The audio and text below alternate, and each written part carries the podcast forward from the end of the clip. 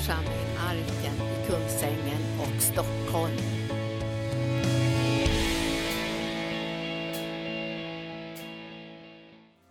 Fader, vi tackar dig just nu för din närvaro Herre Gud. Att du, att du har kommit för att betjäna oss ikväll och bara vederkvicka Gud.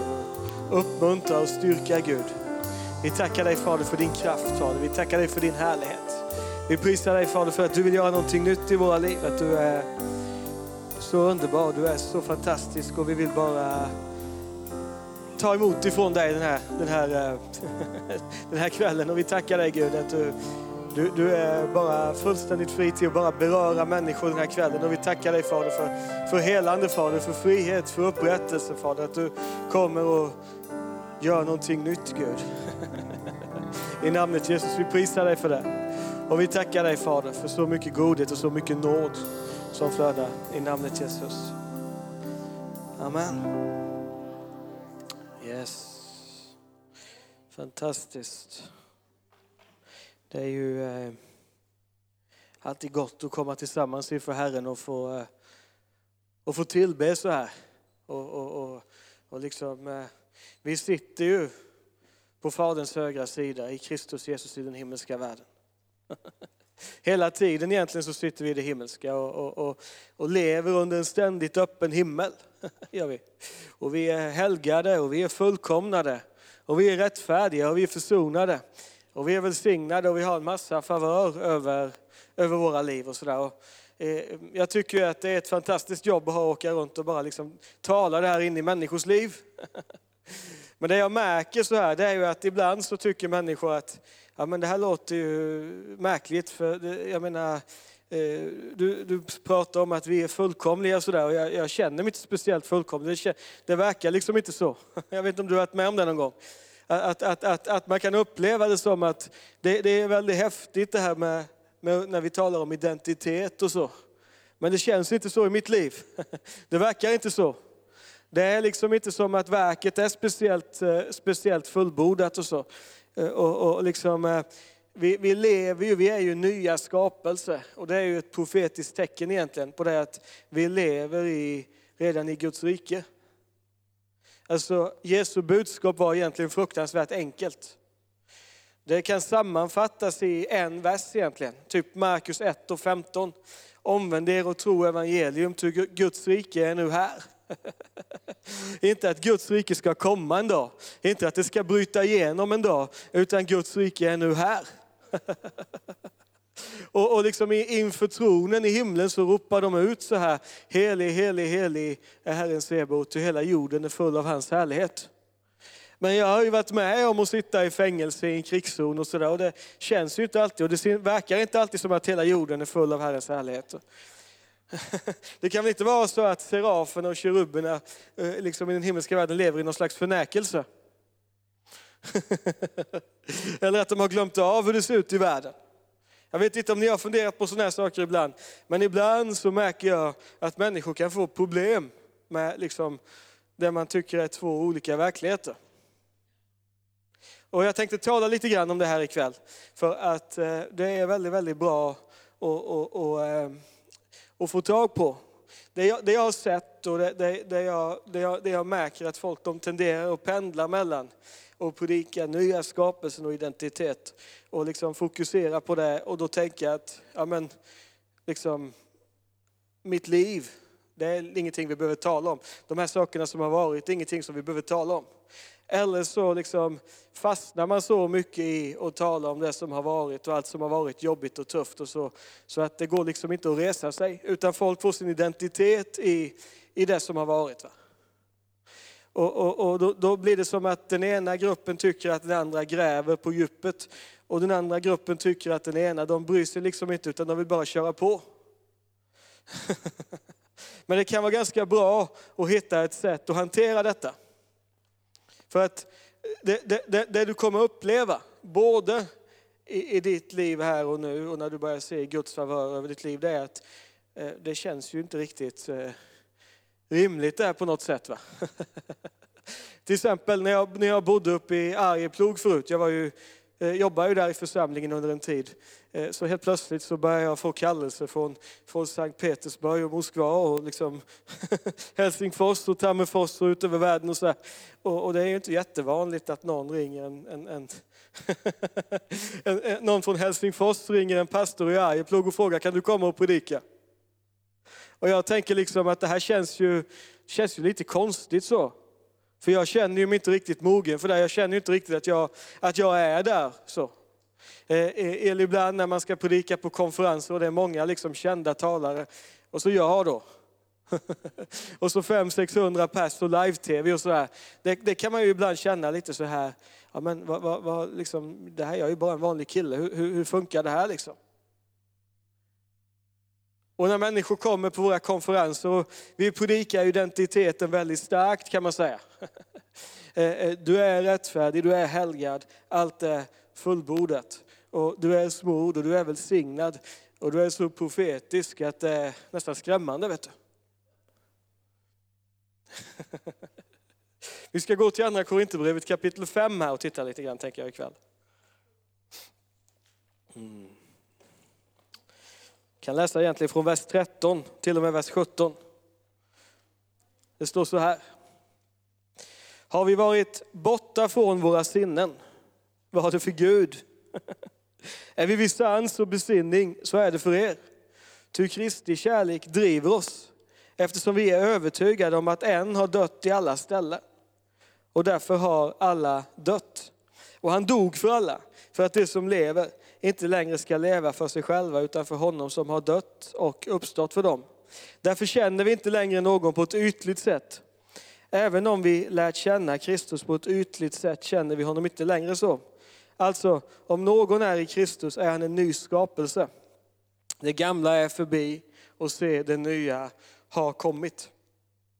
Här står inte att det nya ska komma en dag. Det står inte liksom att det nya Eh, eh, kommer om du pressar på. Det står inte att det nya kan komma om du ber tillräckligt starkt eller, eller liksom så, utan det står att det nya har redan kommit. Det gamla är förgånget och det nya, något nytt, är redan här. Och eh, någonstans så, så är det så att ska ditt liv funka och du ska kunna bära frukt och ha liksom en stabilitet i ditt liv och din tjänst för Gud, så måste du vara, vara liksom eh, stadfäst i det här nya livet. Eh, eh, och, och, och, så. Du behöver liksom kunna, kunna se att jag, jag är helgad, jag är, jag är fullkomnad, verket är fullbordat, jag är full av smörjelse, jag är eh, Guds Arlanda in i världen kan man säga. Jag vet inte om du har tänkt på det, men det står eh, eh Jesus står upp på sista dagen i högtiden, står det. Och så ropar han liksom. Eh, om, om någon tror på mig, ur hans innersta ska strömmar av levande vatten flöda fram. Detta sa han om anden som skulle ges till dem. Men anden hade ännu inte blivit utgjuten, står det, till Jesus hade ännu inte blivit förhärligad. Men nu har Jesus blivit förhärligad och anden är utgjuten. Överallt kört, kött för 2000 år sedan. Så du har ju den heliga andes liksom flöde rätt genom ditt liv precis just nu. Det är ju det som, som egentligen är den andeutgjutelse som Bibeln talar om. När vi säger till Gud, liksom, utgjut din ande, då är egentligen det vi menar är ingjut din ande. Men eh, den heliga ande kommer ju inte i portioner, utan den heliga ande har ju kommit som person. Va? Och, och, och flödar genom ditt liv. Och så har du en öppen himmel över ditt liv hela tiden också, där Guds kraft flödar genom ditt liv precis hela tiden. Och det är väldigt bra att ha det eh, stadfästat i sitt liv och leva utifrån den verkligheten. Leva utifrån att du faktiskt, det finns ingen fördömelse för dig. Det är en massa kristna som går runt med någonting som inte finns längre. Typ fördömelse och sånt. För det finns ingen fördömelse för den som är i Kristus. Och då talar Paulus där om att eh, om vi har varit från våra sinnen så är det för Guds skull. En annan översättning säger, if we stand beside ourselves in ecstasy, it's all God's fault. Om vi liksom hamnar vid sidan av oss själva i, i, i hänryckning så är det Guds fel. Och är vi liksom vid våra sinnes fulla bruk så är det för er skull. Det är ganska häftigt. Kristi kärlek driver oss. Varför då? Jo, för att vi har sett att en har dött för alla och därför har alla dött. Ur Guds perspektiv så har den nya skapelsen i och med korset brutit igenom. Och Paulus ser egentligen hela mänskligheten som korsfäst med Kristus. Och det gör att han kom så i hänryckning för evangeliet var så goda nyheter att han blev liksom, ja. Din stora lärdom har gjort dig galen, sa ju liksom den här romerska höjdaren när Paulus stod inför rätta. Därför att evangeliet är så goda nyheter att har du fått en uppenbarelse om det så är du liksom inte alltid vid dina sinnes fulla bruk riktigt. Va?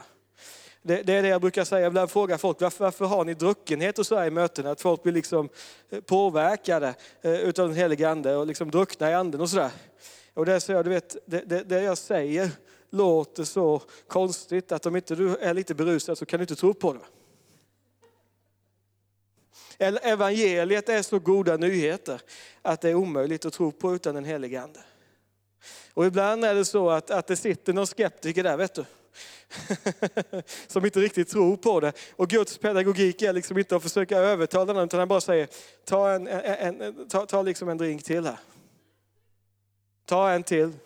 Ja, men hur hänger det här ihop? Nej, men bara ta en drink till. Och till slut så är de så wackade att då tror de på precis vad som helst.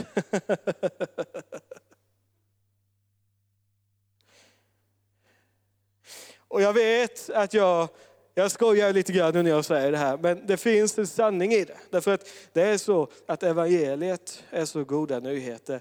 Och det Gud har gjort i Jesus är så radikalt att det går inte, det går inte att förstå självet. Det går inte att resonera sig fram till, utan man måste få en uppenbarelse av den helige Ande. Och Paulus drivkraft i livet var att han har sett att en har dött för alla och därför har alla dött. Hela mänskligheten är inkluderad i det Jesus har gjort på korset. Men alla vet inte om det. Och det här blev en sån drivkraft för Paulus. Han säger att de som lever på grund av det här lever inte längre för sig själva utan för honom som har dött och uppstått för dem. Du vet, du kan inte ta emot evangeliet. Du kan inte se evangeliet utan att du som en frukt av det blir löst ifrån dig själv. Det är omöjligt att inte tjäna Gud när du ser hur fantastiskt evangeliet är. Det är omöjligt att inte profetera och be för sjuka när du ser hur fantastiskt evangeliet är. Men då får vi ett problem. För när jag står och säger detta så vet jag att du kan bli frustrerad. För då känner du, ja men det här stämmer ju inte med mitt liv. Det känns ju inte så här. Och då säger Paulus så att, du vet, på grund av det här så tittar vi inte på människor på ett ytligt sätt. Inte Kristus heller. Även om vi tidigare lärde, kände Kristus på det sättet så ser vi inte Kristus på ett ytligt sätt längre. Eller som man också skulle kunna översätta, eller som flera andra översättningar säger, efter köttet. Vad betyder det att se på, på sitt eget liv, se på sin församling, se på Stockholm, Kungsängen i köttet? Jo, när jag ser på någon i köttet så det handlar ju inte om att man ser på människor liksom bara, bara med, med, med lust, att jag ser en, en, en, en, snygg tjej liksom och så tänker jag wow, det är, inte, det är inte det det handlar om i första hand. Även om det är en del utav det. Utan vad det handlar om, det är att jag tittar på ditt liv utifrån vad du har presterat, vad du kan och vad du inte kan och vad du har lyckats med och inte lyckats med, hur mycket pengar du har, hur, hur liksom, eh, eh ditt sociala status. Och så sätter jag en identitet på dig på det sättet. Eller på mig själv. Eller på min församling. Eller på, på, på, liksom, på, på, på Stockholm. Och en anledning, ibland frågar människor mig, är du lite skeptisk till, till det här med förbönstjänst? Och då brukar jag säga ja och nej. Jag, jo. och jag ska förklara varför. Därför att om, om du bör, bygger din förbönstjänst på att du hela tiden håller på och släcker eldar i den gamla skapelsen. Att du liksom, om jag skulle gå här och fokusera när jag kommer hit till arken utifrån eh, på ett ytligt sätt efter köttet och jag tittar på alla liksom problem som finns. Så är det ju så att i alla församlingar så finns det ju hundratals problem för det finns hundratals människor. Överallt där du har människor har du problem. Och, och i, i, min tjänst så vet jag ju det, det var ju som jag sa tidigare, att jag har en massa styrkor men jag skulle kunna titta på mig själv utifrån mina svagheter. Och jag sa till bibelskoleeleverna här på morgonen att det var någon som sa till mig, håller du på att starta en sekt Martin? Och jag sa, nej det, det behöver du inte oroa dig för, för jag är inte organiserad nog till att vara en sektledare. Du vet, du måste vara systematisk för att hjärntvätta folk och jag fixar inte det. För jag är inte, jag är inte så liksom, det är inte min starka sida att hålla på med administration och grejer. Och jag skulle kunna titta på de här sakerna och sätta en identitet på mig själv. På mina barn, på min fru, på min församling och på, och på Sverige. Va? Och så går jag in i förbönstjänst utifrån den gamla skapelsen. Och ber utifrån fruktan och ber utifrån att här ser jag en massa problem. Och en, en, del människor som kommer in i andlig urskiljning och börjar känna saker i anden, de är inte tränade till att, till att se, de har ingen uppenbarelse om nya förbundet. Så då blir det att varje gång man urskiljer och ser saker så ser man bara mörker och det demoniska och trycket hela tiden. Och om du är känsligare för demonisk närvaro än änglars närvaro så kan man säga att du har problem. Därför att för varje demon som finns så finns det ju minst två änglar. Och, liksom, det, det, och, och, och för, för, var, för, varje liksom utmaning som finns så finns redan ett svar i det fullbordat på korset i Guds rike. Och istället för att ha din förbönstjänst utifrån problemen, är det inte bättre att liksom lära känna nya förbundet lite grann och så ber du utifrån det som Jesus har gjort på korset istället. Eh, eh, för du vet, du är, det är ju en annan grej i nya förbundet, får se om vi kommer hinna, hinner komma in på det, för du är ju en fantastisk bedjare. Ibland så får man utmaningen bygg ett bönealtare. Jag har aldrig ens haft tanken på att bygga ett bönealtare, utan jag har bara accepterat att vårt familjeliv är ett bönealtare. För det är vår identitet. Vi har bön som pågår ständigt inom oss. När vi sitter tillsammans, jag och frun där hemma, så är det fruktansvärt svårt att inte be. För Kristus bor i oss, vi är en ande med honom och den helige ande hela tiden eh, vittnar med vår ande att, att, att, att vi är Guds barn och ropar ut Abba fader. Så det pågår bön hela tiden. Vi försöker inte bygga ett bönaltare utan vårt liv har alltid varit ett bönaltare. Det är liksom den nya, den, den nya skapelsen. Va? Vi försöker inte bli heliga utan vi har redan insett att Jesus har fullkomnat och helgat oss. Och istället för att leva utifrån problemen, utmaningarna, tillkortakommandena och se på det, så vill vi se på det som Jesus har gjort på korset. Va? Och vad Gud vill det är att han vill öppna våra ögon så att vi kan se alla de här välsignelserna som Jesus har gjort. Och det är därför som det står om den heliga ande, att när den heliga ande kommer. Har du märkt att det står aldrig någonstans att den heliga ande kommer för att förhärliga vår prestation? När, när, när, när jag kommer, när den heliga ande kommer, så ska han förhärliga mitt böneliv, min helgelse, min fasta, det jag håller på med. Eh, då blir det inte mycket att förhärliga, för, för det är liksom inte bra nog. Utan när den heliga Ande kommer ska han förhärliga mig, säger Jesus. Ty han ska ta av det som är mitt och förkunna för er. Vad, vad är det den heliga Ande är intresserad av att peka på? Jo, han är intresserad av att peka på Kristus och honom som korsfäst. Därför står det i Efesierbrevet 1 att den helige Ande är visdomens uppenbarelse som visar oss hur härligt liksom det arv är som vi har i Kristus. Han visar oss inte vad Gud ska göra, utan han visar oss vad Gud redan har gjort för oss i Kristus. Och så ber man utifrån det, vet du. Då kan väldigt mycket bra hända. Det är så underbart att leva i bön. Och det är så underbart att leva i anden. Men det är bra att inte göra det på ett ytligt sätt. Det ska du pröva någon gång. och inte leva i anden på ett ytligt sätt, utan istället för att liksom se problemen, se lösningen. Jag praktiserar det här mycket. När vi är utomlands och predikar, och jag har varit ibland i, i, i, i ganska tuffa muslimska länder. Så. Och då, ehm, eh, vet ni, på natten eller på kvällen när det, när det mörknar, det mörknar ju snabbt i de här länderna, så släcker de, eh, så, så liksom tänds ju moskéerna och det lyser grönt över hela stan. Och sen hör du hur det ropas ut ur, ur, ur, ur moskén, Allahu akbar och sådär. Och då, då, då säger folk ibland till mig, känner inte du av att det är väldigt mycket tryck i anden när du hör det där? Och är det inte väldigt jobbigt för dig liksom, på något sätt? Och jag brukar alltid säga det att nej, men jag, jag, eh, jag, jag känner inte av något tryck faktiskt. Därför att eh, ja, min andefurste som är med mig, han är så stor att han tar upp all plats. Han är huvudet över alla furstar och väldigheter, säger Bibeln. Så det finns inte så mycket utrymme eh, för att fokusera på något annat än på honom. Självklart är det så att om jag vill så skulle jag kunna gå in och fokusera väldigt mycket på djävulen. Men jag kommer bara komma fram till att han gör vad han alltid har gjort. Han stjäl, slaktar och förgör. Ja, vad jag känner när jag hör de där utropen i bön, det är att jag känner Guds hjärta. Va? Att här finns en massa människor som behöver evangeliet. För de ropar ut till en Gud som, som aldrig kommer att svara dem. Och så har svaret kommit för 2000 år sedan och gjort allt fullbordat.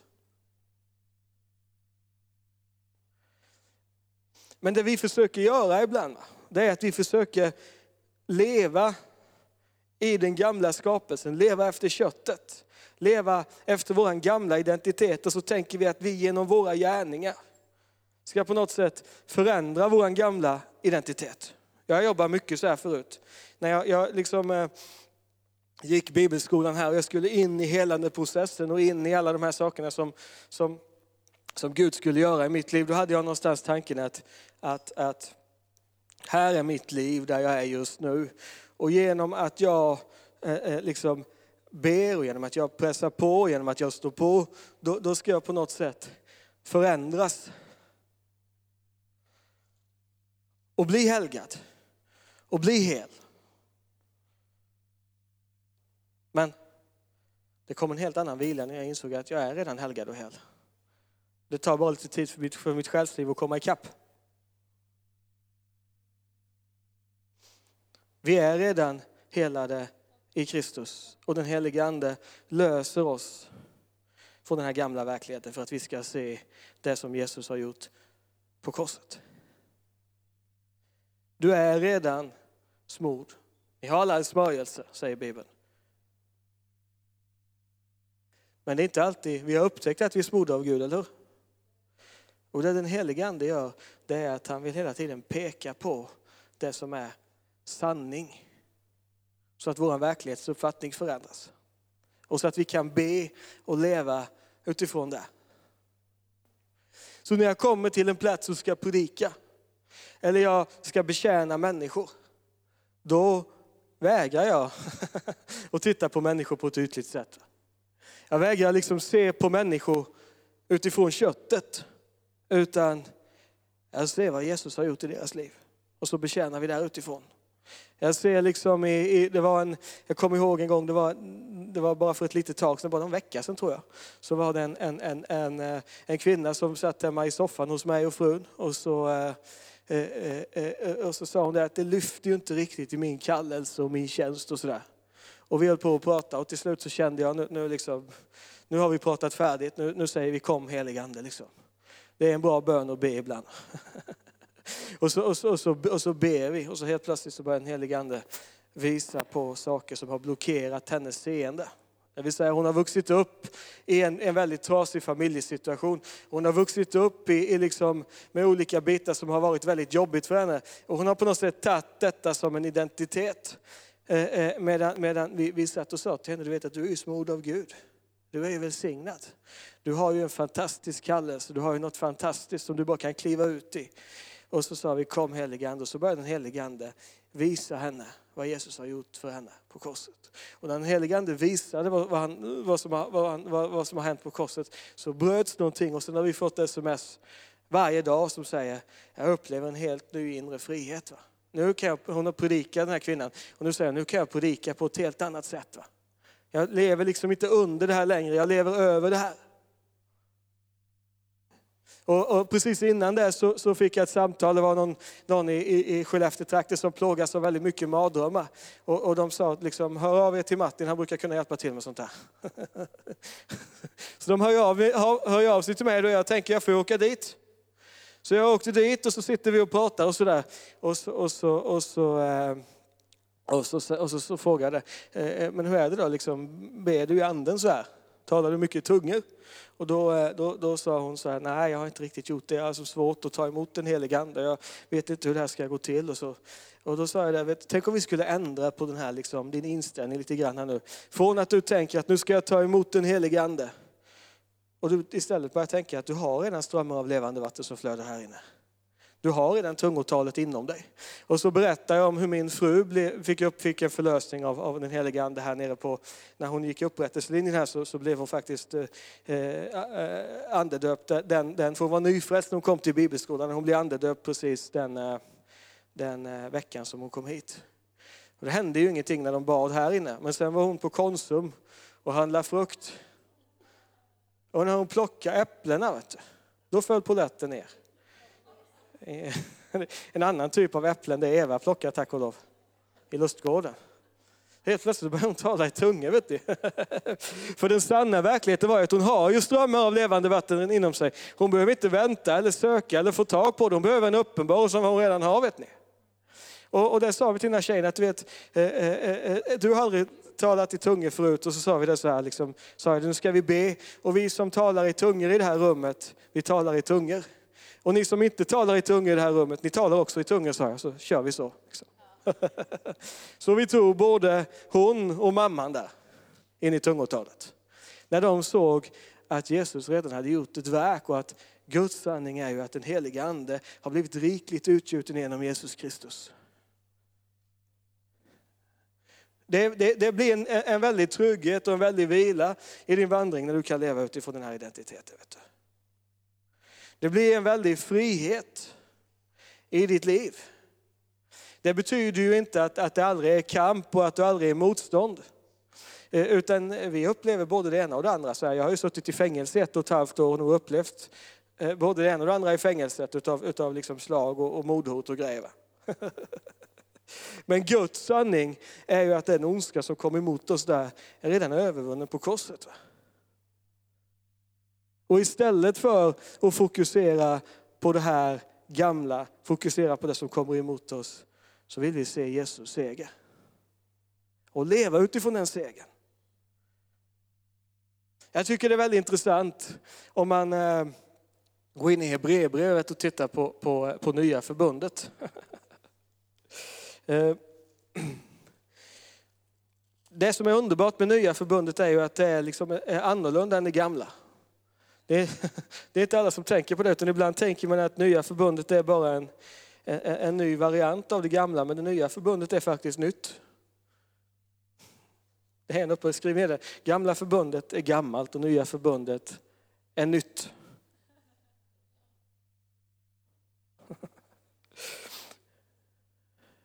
Vi kan läsa ifrån eh, Hebreerbrevet 8. Vers 6 till och med 13 så står det så här. Men nu har Kristus ett högre prästämbete. Liksom det förbund han är medlare för är bättre. Eftersom det är stadfäst med bättre löften. Ty om det första förbundet hade varit utan brist skulle det inte behövas plats för ett andra. Men Gud förebådar dem när han säger, se dagar ska komma, säger Herren, då jag ska sluta ett nytt förbund med Israels hus och med Judahus. Inte ett sådant förbund som jag slöt med deras fäder på den dag jag tog dem vid handen och förde dem ut ur Egyptens land. Eftersom det inte blir kvar i mitt förbund brydde jag mig inte om dem, säger Herren. Detta är det förbund som jag efter denna tid ska sluta med Israels hus, säger Herren. Jag ska lägga mina lagar i deras sinnen och skriva dem i deras hjärtan. Jag ska vara deras Gud och det ska vara mitt folk. Ingen ska längre behöva undervisa sin landsman, ingen sin broder och säga, lär känna Herren. Ty det ska alla känna mig, från den minste bland dem till den störste. Jag ska i nåd förlåta dem deras missgärningar och deras synder ska jag aldrig mer komma ihåg. När han talar om ett nytt förbund har han därmed förklarat att det förra är föråldrat. Men det som blir gammalt och föråldrat är nära att försvinna. Och den här texten bara talar om för dig att du vet Guds vilja. För du har Guds vilja skriven i ditt hjärta. Den här texten säger att de ska alla känna mig, från den minste till den störste. Så du känner Gud. Det kanske bara är så att inte du vet att du gör det Men i din ande, i ditt hjärta, så vet du hur den Gud är. Du har fått din synd så förlåten att Gud kommer aldrig mer komma ihåg den. Och ibland när vi predikar de här liksom, sanningarna att du, du har blivit en ande med Kristus, han bor i ditt hjärta och du har blivit inkluderad i Jesu relation med Fadern. Och, och liksom, du, du, känner, du, har, du känner Gud. Va? Du kan se Gud. Saliga är de renhjärtade, de ska se Gud. Det är ju ett profetiskt tilltal egentligen som Jesus ger. För att i nya förbundet så har du ju fått ett nytt hjärta. Och det nya hjärtat Gud har gett är ju inte smutsigt vet du. Så att det behöver renas. Att Gud säger, jag ger dig ett halvdant hjärta och sen lägnar vi resten av livet till att rena det. Utan du har ett rent hjärta som känner Gud. Och då ibland så hör jag den här varianten på den här typen av undervisning. Då säger folk så här att om vi bara predikar rättfärdighet, det fullbordade verket på korset, att allt är klart, så, så, så, behöver folk inte göra den här vandringen för allt är redan fullbordat. Det är bara att du kör på. Va? Och så säger de till mig så här, varför håller ni på med själavård? Det är samma sak som, som, kom, som, jag, som jag förstår att det, det kom på, på liksom 80-talet i trosförkunnelsen. Så det går som i, i, i, olika varv sådana här saker. Att, att, att varför håller ni på med själavård och inre helande när allt är klart? Ut och tjäna Gud. Och sen de andra säger, ja men du kan inte hålla på och säga att allt är färdigt. Du kan inte säga att jag känner Gud. Du kan inte säga att jag är helig och rättfärdig. Så smutsig och hemsk som jag är. Hur kan du säga att, att, att, att, att, att, att liksom, inte vi ska titta på problemen? Det räcker ju att titta på Stockholm så ser jag ju en massa problem.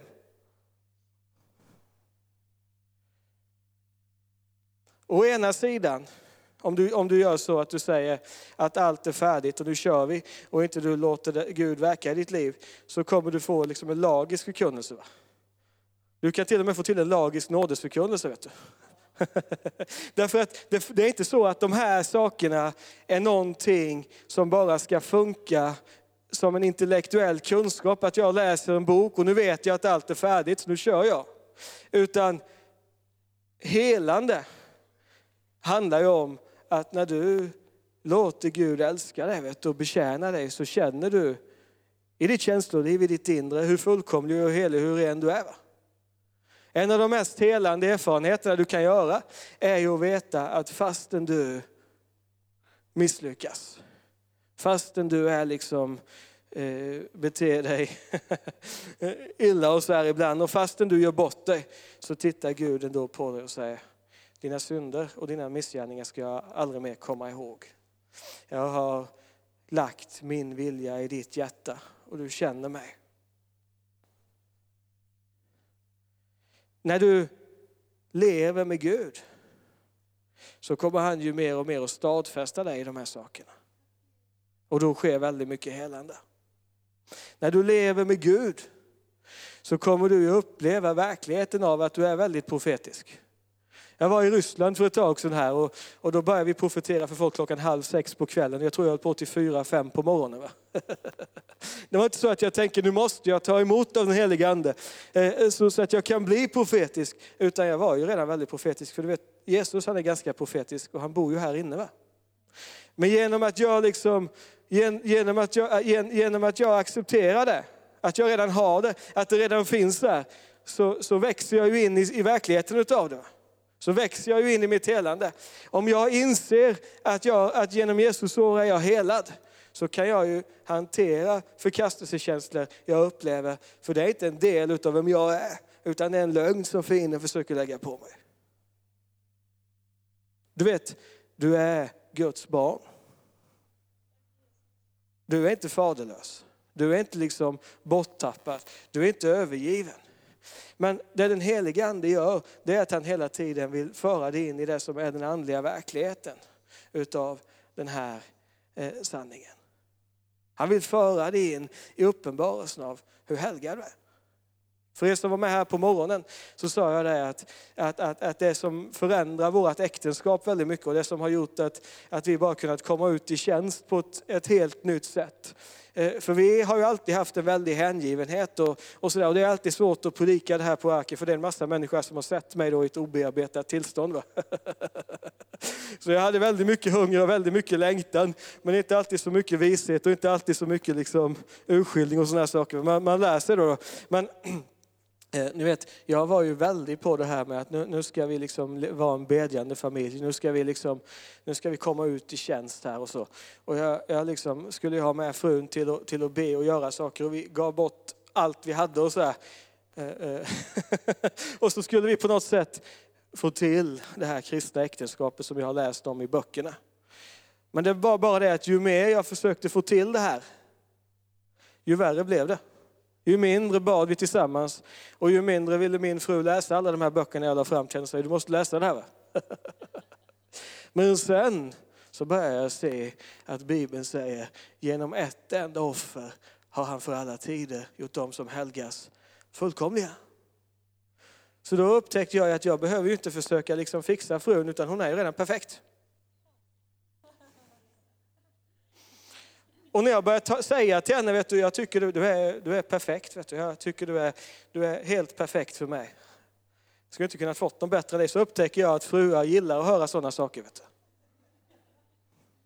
Och så förstod ju hon då också som en, en bra, bra liksom grej i detta att det är inte bara hon som är fullkomlig utan jag är fullkomlig också. I Kristus. Och om hon är fullkomlig och jag är fullkomlig så betyder det ju att vi har ett fullkomligt äktenskap, eller hur? och dessutom är vi, har vi ett äktenskap som är i flödet. För vi har ju strömmar av levande vatten som flödar fram. Och vi har liksom den heliga ande som vittnar med vår ande att vi är Guds barn. Så vi lever i flödet, vi lever i bön och vi har ett fullkomligt liv tillsammans. Och istället, när jag istället för att försöka liksom fixa till vårt familjeliv och börja försöka få till detta, insåg att ja, men det, här, det här är redan klart. Va? Jag är 2000 år för sent ute. Jesus har redan gjort det här. Så upptäckte jag att alla de här sökerna, sakerna som jag försökte få till genom att prestera det, hände när jag insåg att det redan var färdigt. Så nu vet ni så är det jättesvårt för oss att inte be tillsammans. Så när vi har våra såna här eh, dejtkvällar, eller vi tar tid liksom tillsammans, jag och Linda, då brukar det sluta med att vi, vi ber tillsammans eller profeterar ut vår framtid tillsammans. Och så, för det är ju så svårt att inte gå med Gud när man ser hur fantastiskt evangeliet är. Och ju mer du ser vad Jesus har gjort för dig på korset, ju mer kommer du bli överväldigad. Vet du kommer du bli som Paulus. Han säger, han säger så, liksom, har jag varit från mina sinnen så är det för Guds skull. Därför att evangeliet är så starkt att det är överväldigande.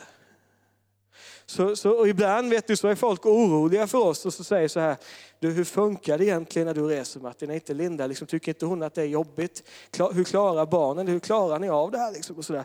Men ni vet att det är så att det är inte bara jag som längtar efter att tjäna Gud, utan vi har ju blivit otroligt berörda av det här båda två och just att vi har fått ett helt nytt liv.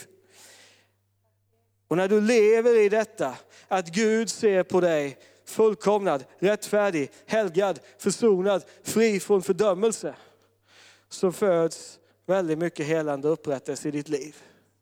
Och, och bara häromdagen, vet ni, när jag klev av planet nu så fick jag som en, en ny kallelse till på Finland. Och min första tanke är att titta, tänka på mig själv i det naturliga. Man tittar sig själv liksom i spegeln och tittar på sina omständigheter och så tänker man liksom, hade de vetat vem jag är så hade de aldrig bett mig komma.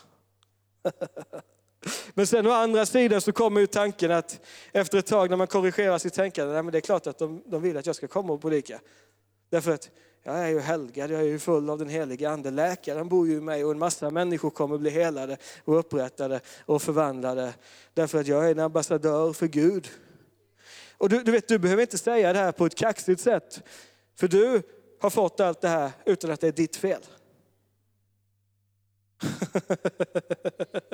Du har blivit välsignad, rättfärdig, helgad. Du känner Gud och du har liksom ett starkt böneliv. Och det är inte ditt fel för du har ingenting med det att göra. Utan Jesus har gjort det färdigt för dig. Så när jag, när vi, när, när, när, och problemet som många människor får, va, det är att man börjar titta på sitt liv utifrån sin gamla identitet, utifrån köttet. Och så tänker man, ja, men jag känner mig inte speciellt profetisk. Jag känner mig inte speciellt helgad. Det känns ju inte som att jag har väldigt mycket seger. Och nu måste jag på något sätt inta min seger. Och det finns en sanning i det, men det kommer aldrig sluta bra om du börjar med att liksom ignorera Jesus. Va? Det brukar liksom inte bli så bra om du börjar med att glömma bort vad han har gjort för dig och tänker att det här kommer bli sant när jag har presterat det. För det är så svårt att prestera det som Jesus redan har gjort färdigt för dig. Och, och, jag har sett så många gånger hur det här skiftet i tanken gör att saker förlöses. För ett tag sedan så satt jag med en kvinna och pratade och så ville hon ha liksom hjälp med någonting. Och jag kände att jag kommer inte kunna be för henne för det var ju ingen kvinna som var frälst. Men när, hon, när vi sitter där och pratar så bara börjar jag, börjar jag liksom, ja men läkaren bor i mig. Hela rummet är fyllt av läkedom. För helande smör som flödar genom mitt liv just nu. Och när vi sitter där och pratar, helt plötsligt så bara säger jag känner som en värme som kommer över mig. Vad är det här för något? Och då sa jag, det är, det är bara läkaren, vet du, han kommer och hälsar på lite grann. Vem är läkaren? Nej, men det är Jesus, vet du. Och så hör hon av sig efter, efter några veckor och säger att den här, den här Jesus-grejen verkar funka. jo, det är det jag försökt att säga till dig. eller, eller hur vi började proklamera över släkten att vår släkt är välsignad, vår släkt är profetisk. Det är så mycket generationsvälsignelse som flödar i vår släkt. Förut så kanske det var generationsförbannelse, men nu har jag ju blivit frälst. Och därför att jag är frälst så har det kommit in en ny härskarmakt i vår släkt. Det står att Guds nåd regerar genom rättfärdighet i våra liv. Så nu härskar Guds nåd i vår släkt. Och, och då proklamerar jag ut att släkten är profetisk. Och sen börjar mamma berätta för mig så här. Att, eh, att du vet, eh, när du var i Syrien, det här har inte jag berättat för dig, men det som hände, för jag märkte ju att hon har liksom fått möta Jesus på riktigt när jag kom tillbaka hem. Och då sa hon det att, att, att jag började drömma på natten så här. Det kom, Jesus, det kom till, Jesus, Gud kom till mig i drömmen och sa att det skulle bli bra. Och så en gång när jag stod på jobbet så var det som att det stod en gestalt framför mig så här och sa att, att, att det är lugnt Martin, kommer hem. Förstod jag att det var en ängel. Och så sa hon det att jag, jag gick in och lyssnade på dina predikningar och hörde hur man kunde bli frälst. Så gick jag ut i skogen och bad och sen lyssnade jag mer och då hörde jag att man kan bli fylld av den helige ande. Så då gick jag ut i skogen och bad, och bad igen. Och jag sa, det är det jag sagt till dig i tio år, du skulle lyssnat på mig vet du.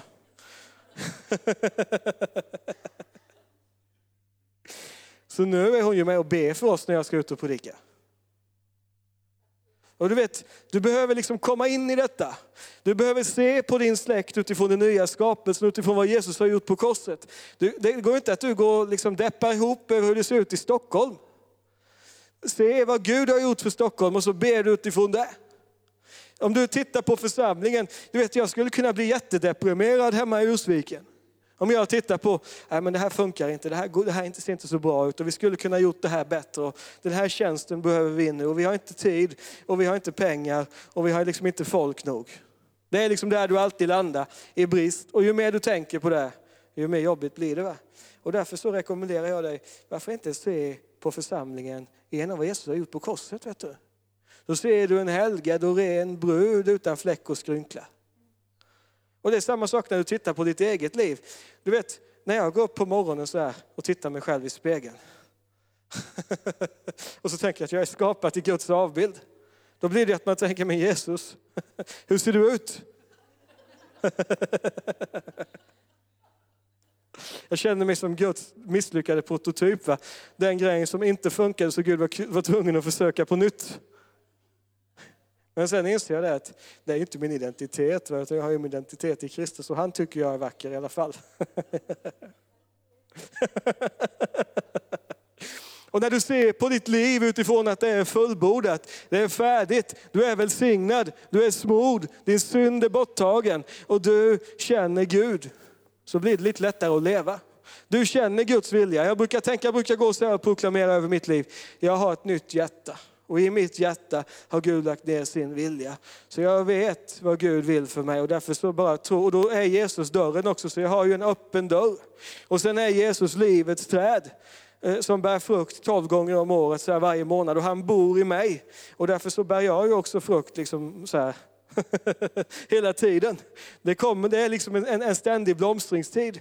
Men skulle jag börja titta på mina omständigheter, jag brukar proklamera över mitt liv så här, att, att nej, jag känner Gud. Jag fattar inte alltid eh, allt vad Bibeln säger och så här. Det ska jag säga, jag är inte den mest skarpa teologen kanske. Men jag känner Gud. Och istället för att börja hålla på med att jag borde lära känna Gud mer. Jag borde be bättre, jag borde vara starkare, jag borde förstå mer vem Gud är.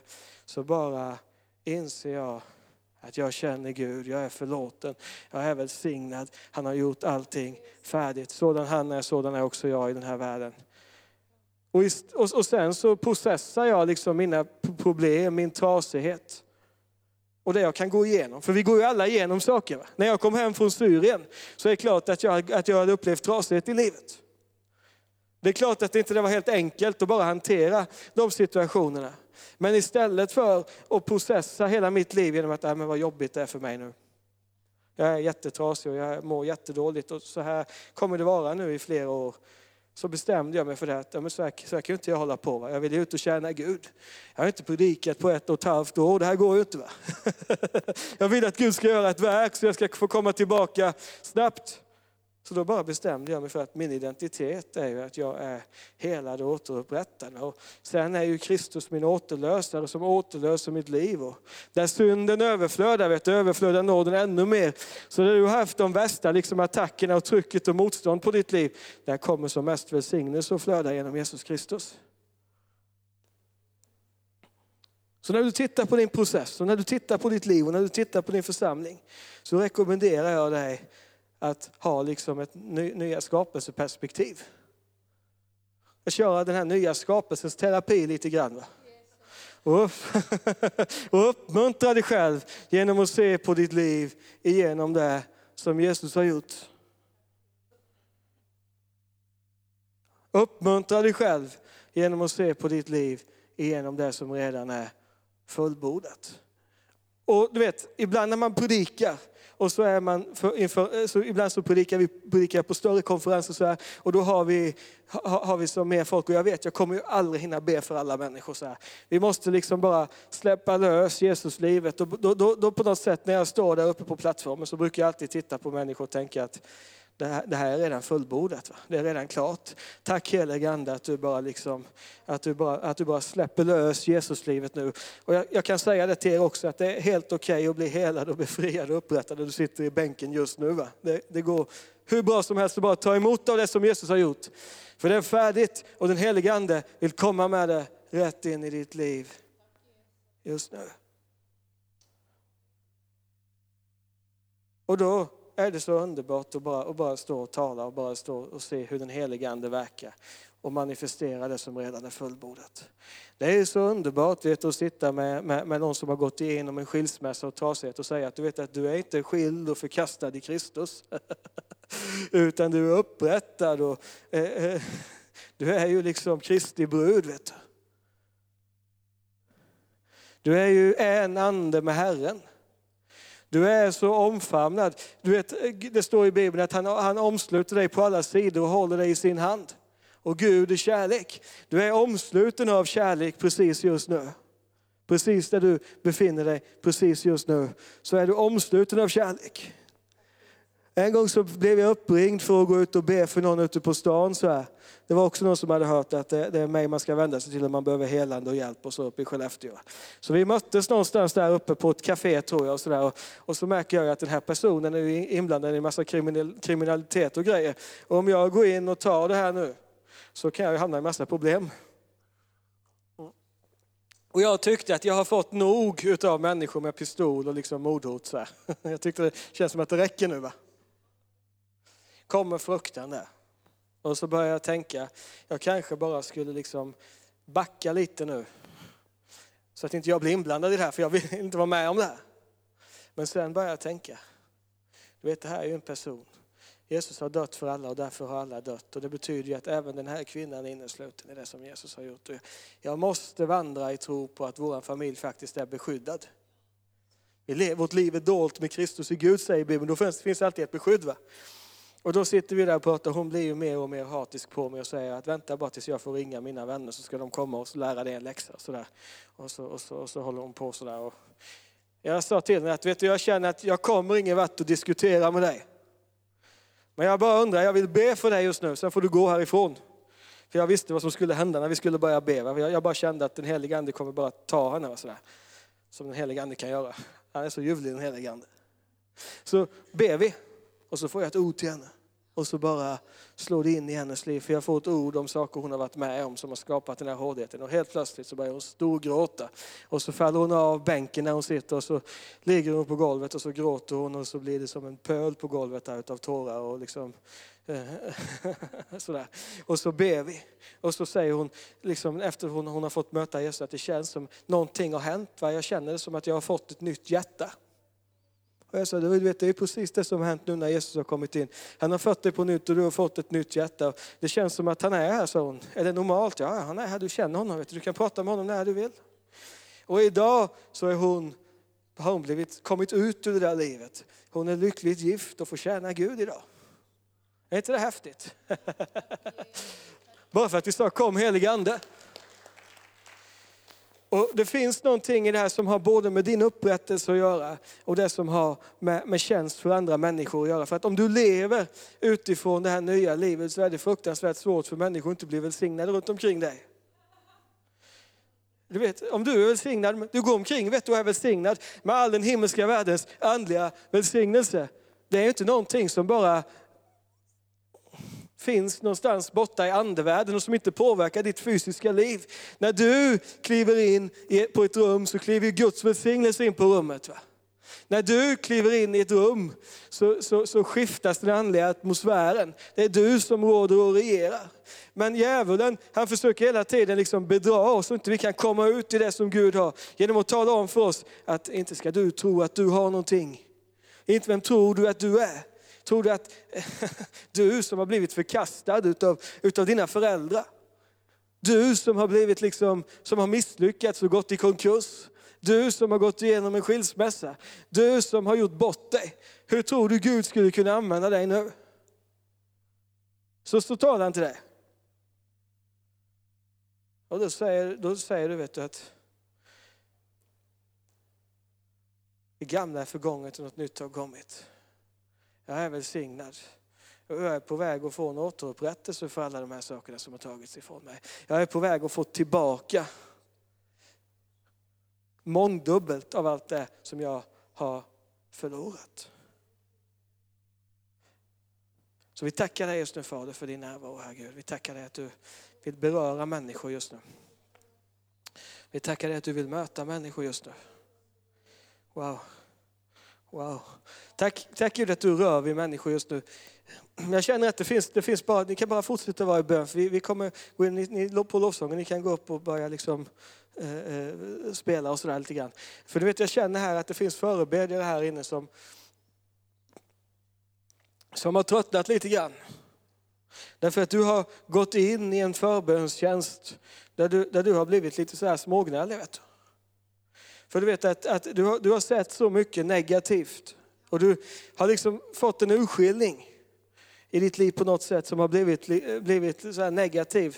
Och så där. Men jag känner vet du, att Gud, Gud vill röra vid dig, för det finns inget, ingen bättre förebedjare än en glad förebedjare. och det finns inget mer jobbigt i församlingen än en sur förebedjare. Vet du. Som ser alla fel och går och påpekar hur jobbigt allting är. Utan Gud vill röra vid dig. Och så vill han lyfta blicken så att du ser vad Gud har gjort i Jesus Kristus. Och så vill han bara döpa dig i sin kärlek den här kvällen. Jag bara känner att det finns några stycken som, har- som har varit vanliga att liksom flöda i bön, men det har varit tyngre på sistone på grund av det här. Mm. Jag känner hur Gud bara rör vid någon också just nu. Du, du, du har levt under väldigt, väldigt mycket, mycket fördömelse och skuld och skam över saker som har hänt i ditt liv.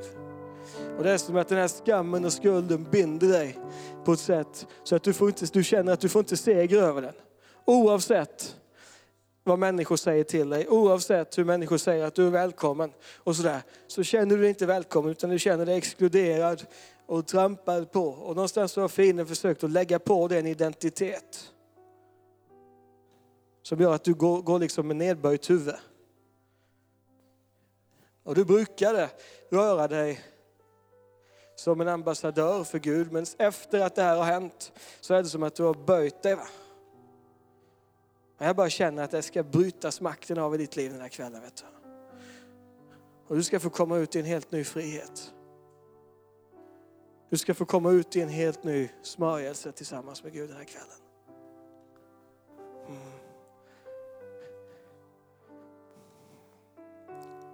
Mm. Tack Jesus, vi prisar dig Fader. Vi tackar dig för att du är här just nu för att bara betjäna in i våra liv. Bara kom helige Ande just nu.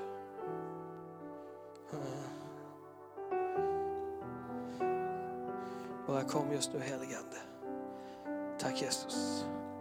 Tack Jesus. Tack Jesus. Mm. Jag bara känner vet du, hur Gud rör vid dig just nu. Det är någonting som har med din kallelse att göra. Saker som du känner borde blivit gjort men som aldrig blev gjort. Och det har det varit som en låsning. Men jag bara känner hur Gud kommer och rör vid den här låsningen. Så jag kommer och rör vid den här knuten och säger att jag låser upp det här just nu. Jag löser upp den här knuten. För och löser dig från den här grämelsen på något sätt. Och jag återupprättar ditt mandat och din kallelse. Du kommer kunna få fungera och fullgöra allt det som jag har kallat dig till. För jag kommer återupprätta det och ge det tillbaka. Det kanske inte ser likadant ut som du trodde. Men du kommer fungera i det och stå i det. Och jag bara upplever hur Herren bara ger dig flera bara fruktbärande år. Flera år utav liksom tjänst i det Gud har kallat dig till. Vi tackar dig för det just nu Fader. Och prisar dig för att du kommer med så mycket nåd och så mycket, så mycket närvaro just nu. Mm, att du bara flödar Gud i Jesu namn. Så du bara flödar Gud i Jesu namn. Tack Jesus. Tack Jesus. Tack Jesus för ny kraft också. Mm. Det finns folk som har kommit in i en trötthet i sitt andliga liv. Just nu så känner jag hur Gud bara ge, ge liksom, komma med ny motivationskraft. Det har inte så mycket med fysisk trötthet att göra egentligen. Men det har att göra med att du har känt en inre trötthet. Därför att du har tjänat och tjänat och tjänat och du tycker inte du har sett den frukt som du längtar efter riktigt. Men jag bara känner hur Gud bara klappar om dig ikväll och säger jag är stolt över det du har stått i. Jag ska fylla på med ny kraft och ny smörjelse. Och jag känner att han bara ger det in i ditt liv just nu. Jesus. Vi tackar. Vi prisar dig för någonting nytt som bryter fram och bryter igenom just nu. Och vi tackar dig att vi får se utifrån det nya livet, den nya identiteten.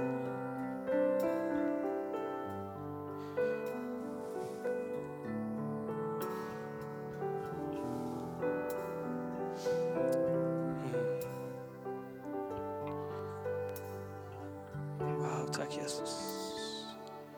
Tack Jesus. Tack Jesus. Tack Jesus.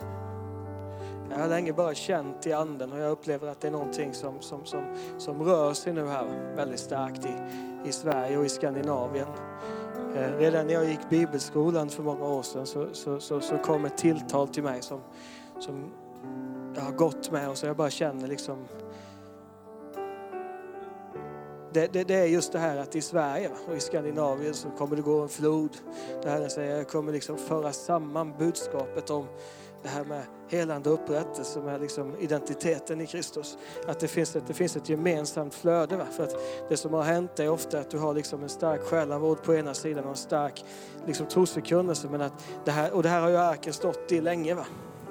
Men jag upplever att det kommer som en, som, som en, en flod som flyter genom kristenheten. Och jag känner att någonting nytt händer nu. Va? Jag upplever att det är en väldigt profetisk vecka. Både, både det här med erkännandet av Jerusalem som, som, som huvudstad va? och det här med Finlands självständighetsdag, eh, det här hundraårsjubileet. Jag känner att det är, det, är något, det är ett skifte som händer på något sätt nu. Va? Där den här liksom Eh, eh, där det kommer gå som en våg utav upprättad identitet och, helande som flödar genom Kristi kropp. Och jag upplever att ni som finns här på Bibelskolan just nu, ni som finns här, här i arken just nu, eh, bär på något sätt en, ett mandat och vara liksom forerunners i detta, att vara liksom de som banar väg och går före. Och jag känner att, att det finns bara en, en, en, en gudsnärvaro som Gud har lagt över för den här tiden.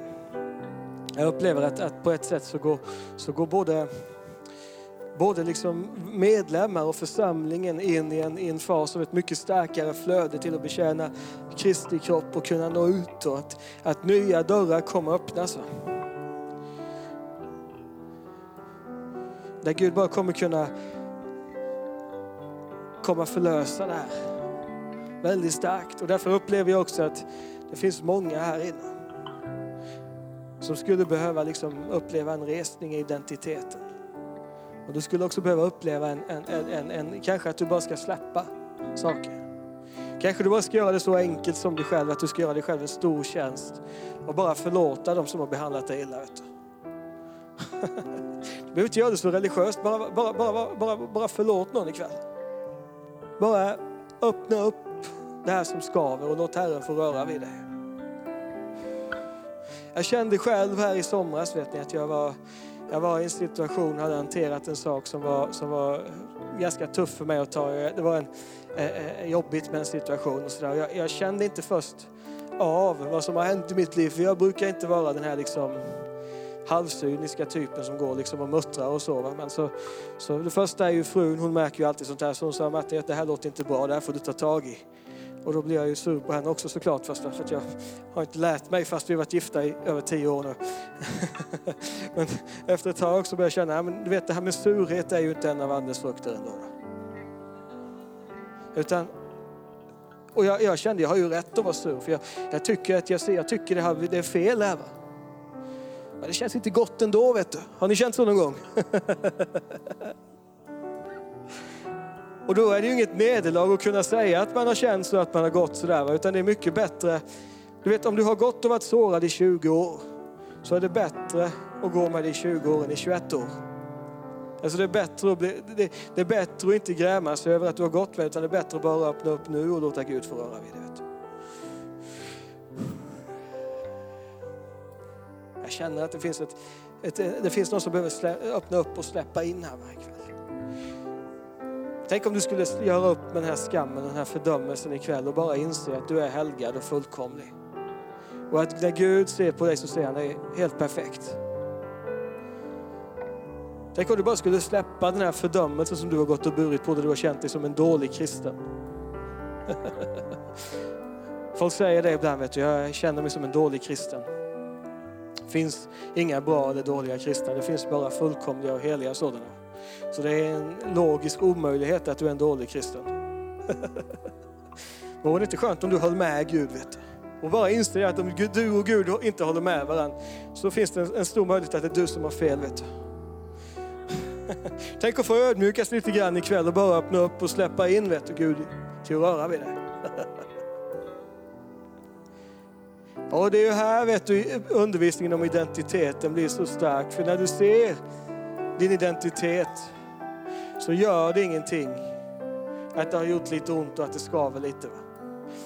För det har inte med vem du är att göra, utan det har att göra med vad djävulen har försökt att göra mot dig därför att du är den du är. Du är, du är ett kungabarn, vet du. du är en, en prinsessa, du är prins i anden, du är konung och du är präst och du är välsignad och du är kallad till att förändra världen. Och det fienden försöker göra det, han är väldigt avundsjuk på det vet du, för han vet vad som kommer hända genom ditt liv när du kommer loss. Och därför försöker han slå mot det här hela tiden. Men jag skulle bara uppmuntra dig att sluta hålla med honom ikväll. Och släpp in Gud. Du som har förlorat en massa år där du tycker du har gjort fel val och prioriterat bort din kallelse. Och så går det liksom att klanka på dig själv.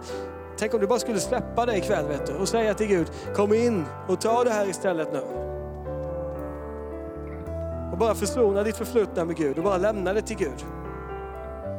Alla dåliga val och sådär och bara inse att Gud samverkar allting till det bästa för de som älskar Gud och är kallade efter hans beslut. Han är så häftig och så stor och så mäktig att han kan till och med ta dina dåliga val, dina misstag och dina misslyckanden och göra något starkt utav det om du ger det till honom. Det är Guds ironi.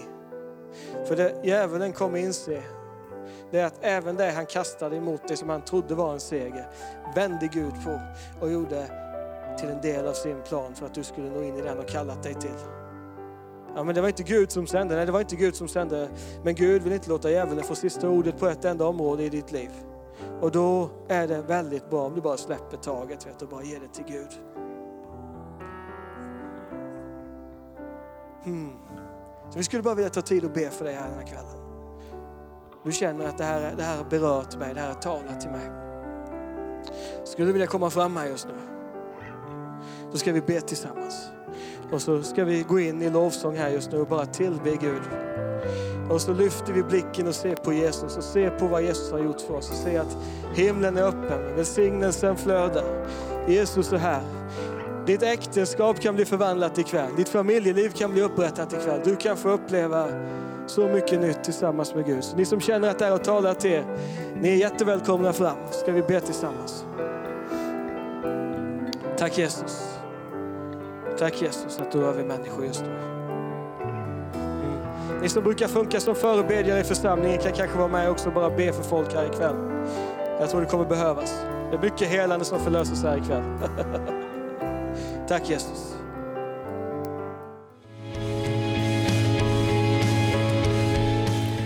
Tack för att du har lyssnat. Vill du få del av mer information om församlingen Arken, vår helande tjänst, bibelskola och övriga arbete, gå in på from.